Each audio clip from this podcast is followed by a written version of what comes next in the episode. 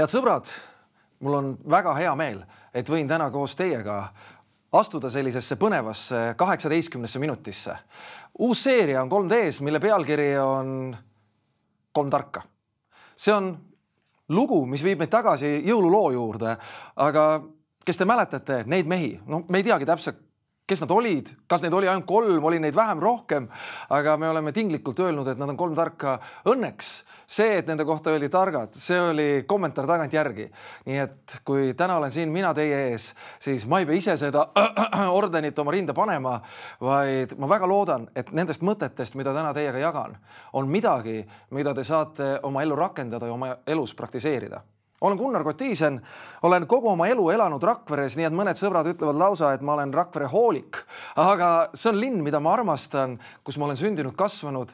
olen nüüdseks üle kümne aasta Rakvere Karmeli koguduse pastor. see on kogudus, kuskohast ma olen sisse-välja käinud täiesti oma lapseeast alates, aga läbi erinevate võimaluste ma olen olnud väga õnnistatud, et saan kaasa panustada Eestimaal erinevatesse organisatsioonidesse, erinevatesse kogudustesse.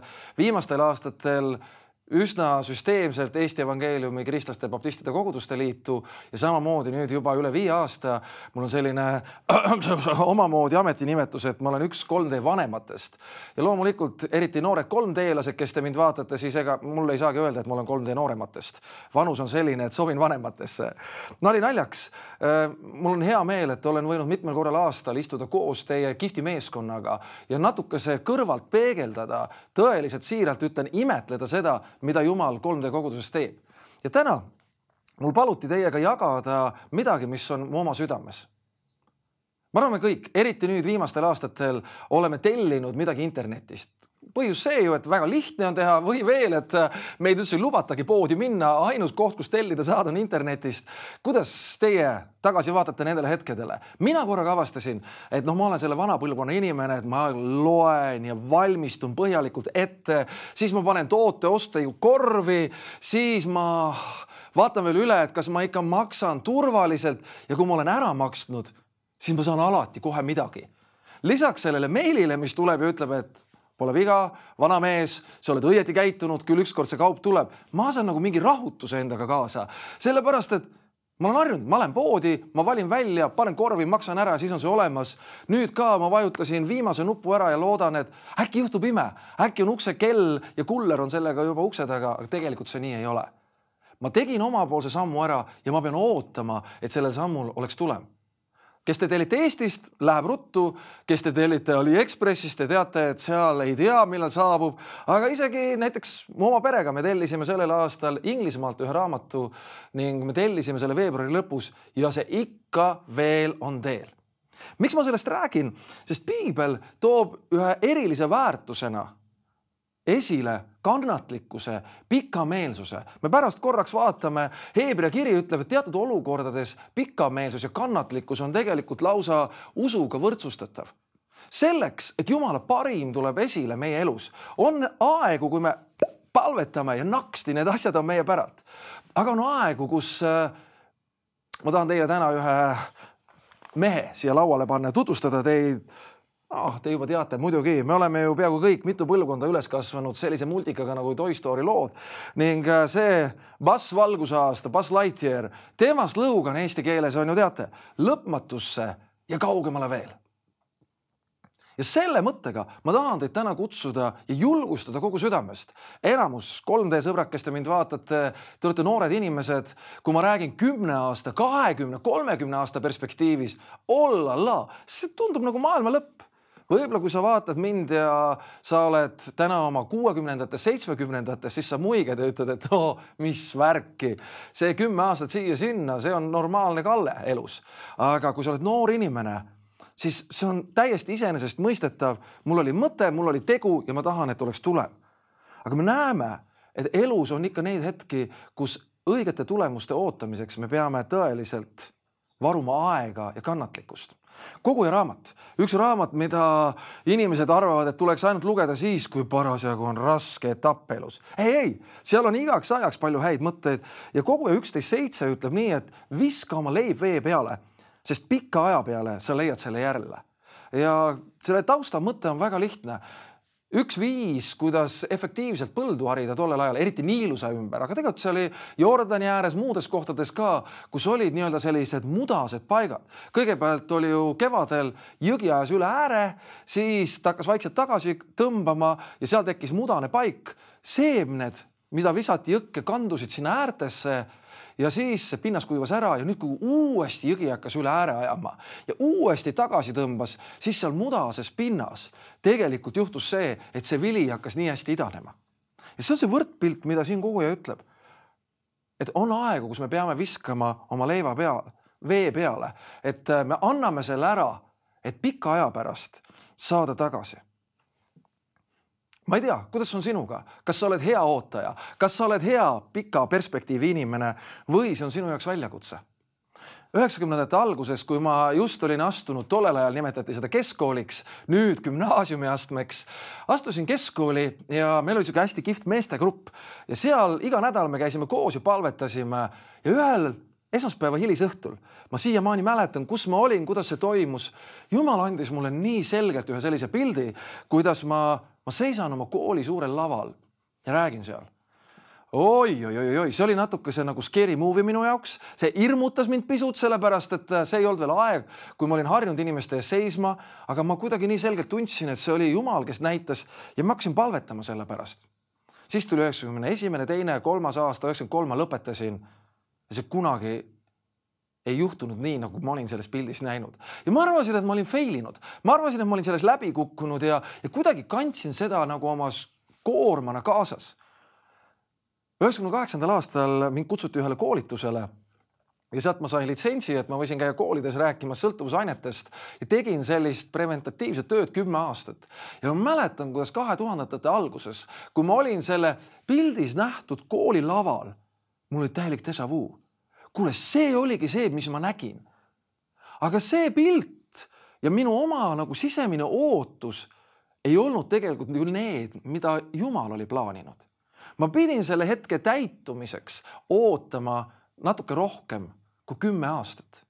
siis, kui ma nägin seda pilti, ma olin ilmselt siis mingi kuusteist, kuueteistaastase elus kümme aastat on hiiglaslik periood aga teate, kui hea tunne oli siis, kui korraga ma nägin, et jumal, see, mis sa mulle näitasid, ma olen täna sellesse hetke jõudnud, see tähendab seda, et on oluline ja möödapääsmatu, et ma väärtustaksin seda hetke. ma ei võta seda iseenesestmõistetavalt, vaid see on hetk sinu käest ja ma olen sellesse hetke nii-öelda välja elanud.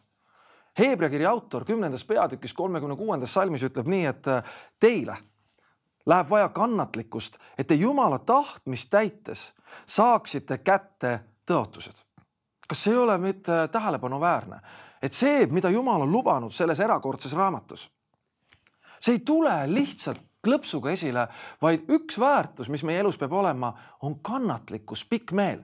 meil peab olema see mõtteviis või see nägemisvõime, mis oli Buzz Lightyearil, kes ütles, et kui ma vaatan täna lõpmatusse ja kaugemale veel, kes te olete seda multikat näinud, siis te teate, et seal oli terve rivi tegelasi, kes talle ütlesid, sa oled lihtsalt nukk ja mänguasi, sa oled plastikplönn. ja ühel hetkel äh, ta sai sügava ilmutuse, et ta ongi plastikplönn ja talle tundus, et nüüd on kõik, mis ma ikka pingutan. aga mulle väga meeldib see tegelaskuju, kuidas ta järgmisel hetkel pani need kaks poolt kokku. tõsi, ma olen see, kes ma olen, oma vigadega, oma puudustega, oma oskamatustega, aga mu sees on midagi, mis veab mind kogu aeg kaugemale kui lihtsalt minu silmavaate horisont ja veab mind suurematesse asjadesse kui minu oskused, minu õpitu, minu pädevus. mulle võiks nagu loa anda. ja sellepärast, hea vaataja, hea 3D noor, sa oled täna teinud suurepärase otsuse, sa oled osa nii erilisest, nii erakordsest kogudusest sa oled näinud midagi, mida enamus Eestimaa kristlased ei ole oma elu jooksul näinud, et kogudus on väikesest, väikesest grupeeringust kasvanud Eesti mõistes suureks koguduseks. see on lahe. aga ma tahan sulle öelda lõpmatusse ja kaugemale veel. ole ustav, ole püsiv. kui jumal lubab sul järgmisel nädalal midagi erakordset kogeda, see on super. aga piibel toob meile veel ühe mõõdupuu ja ütleb, et me peaksime õppima vaatama isegi oma eluajast kaugemale. väga eriline mees, kelle nimeks äh, on Joosep ja Heebrea kirjas üheteistkümnendas peatükis kahekümne teises salmis öeldakse selliselt ema kohta, et äh, usus tuletas Joosep oma elu lõpul meelde Iisraeli laste lahkumist ja andis käsu oma luude kohta. et mis teema see selline on? keerame korraks esimese Moosese raamatu viiekümnendasse peatükki, see on see koht, millest Hebra kirja autor räägib. ja seal Joosep oma elu lõpus, kahekümne neljandas salmis ütleb nii. ma suren, aga Jumal hoolitseb kindlasti teie eest ja viib teid siit maalt sellele maale, mille ta vandega on tõotunud anda Abrahamile, Iisakile ja Jaakobile ja Joosep vannutas Iisraeli poegi öeldes, kui jumal tõesti hoolitseb teie eest, siis viige ka minu luud siit ära. Ta korraga mõistis ja sai väga hästi aru, et see, milleks ta oli kutsutud, on ühest küljest tema enda päästmislugu, tema enda teekond koos Jumalaga, aga teisalt oli see lugu olla osa millestki palju suuremast, mida tema ise võib-olla ei saagi katsuda, mida isegi siin maa peal ta ei näe lõpuni sündivat. Aga ta oli nii kindel selles, et see, mida Jumal on lubanud, see sünnib ja selle usu märgina ta ütles, et kui see sünnib isegi siis, et mitte lihtsalt ma olen surnud, ainult kondid on alles jäänud, siis võtke mu kondid kaasa sinna, kuhu Jumal teid viib. vot see on perspektiiv, vot see on see lugu, mille kohta me võime öelda, et lõpmatusse ja kaugemale veel mis aeg-ajalt hoiab neid tagasi, et äh, ma ju panustasin, ma ju palvetasin, teised vaatasid sellel ajal Youtube'ist mingeid suvalisi tilulilu videosi. ma ju tõusin pühapäeval vara üles, läksin kogukonda, läksin kogudusse, teised norskasid alles oma peatäit välja, sest et laupäeva öö jäi vahele. ma ja mis on siis see tulem? ma olen olnud aasta ustav Jumalale, ma olen kaks aastat olnud pühendunud. mulle väga meeldib, kui aus on piibel. Aasafi laul seitsekümmend kolm räägib sellest, kuidas seal võiks siis öelda tolle ajastu üks ülistusjuhte, mitte lihtsalt keegi viimastest pinkidest, vaid ülistusjuhte vaatab oma elule ja ütleb, et täitsa lõpp. Need vennad, see kamp, kes elab ohjeldamatut elu, need, kes ei väärtusta Jumala sõna, need elavad täiesti tilulilult, neil läheb kõik nagu hästi. ja korraks ta isegi ütleb siin kolmeteistkümnendas salmis laulus seitsekümmend kolm, päris asjata olen ma hoidnud oma südame puhta ja olen süütuses pesnud oma käsi. ma olen olnud löödud kogu päeva ja mind on nuheldud igal hommikul. ja siis ta jutustab oma lugu edasi ja korraga ta ütleb, et ma pidin parandama meelt. ma sain aru, et see külv, mida ma olin teinud, kannab vilja teatud ajaperspektiiviga. ma võtsin endale selle Buzz Lightyearist lõugani tagasi lõpmatusse ja kaugemale veel ma ei lepi lihtsalt sellega, et mul täna läheks hästi, homme läheks hästi, vaid ma tean ja ma usun, et Jumala lugu minu elus ühest küljest on loomulikult minu päästelugu, aga see on õnnistuseks põlvkondadele. ja ma lõpetan oma tänase sõnumi väga isikliku looga. Mõni nädal tagasi ma esimest korda, ma ei tea, on see hea või halb, esimest korda käisin oma vana-vanaisa ja vana-vanaema, jah, see on nagu mitu vana seal ees juba, talu platsil, seal ei ole enam midagi alles jäänud, seal on üks trepp lihtsalt. sellest trepist on mõned pildid siis, kui seal oli talu, see on Männisalu talu Lääne-Virumaal, Väike-Maarja külje all, Väike-Maarja ja Avispee vahel.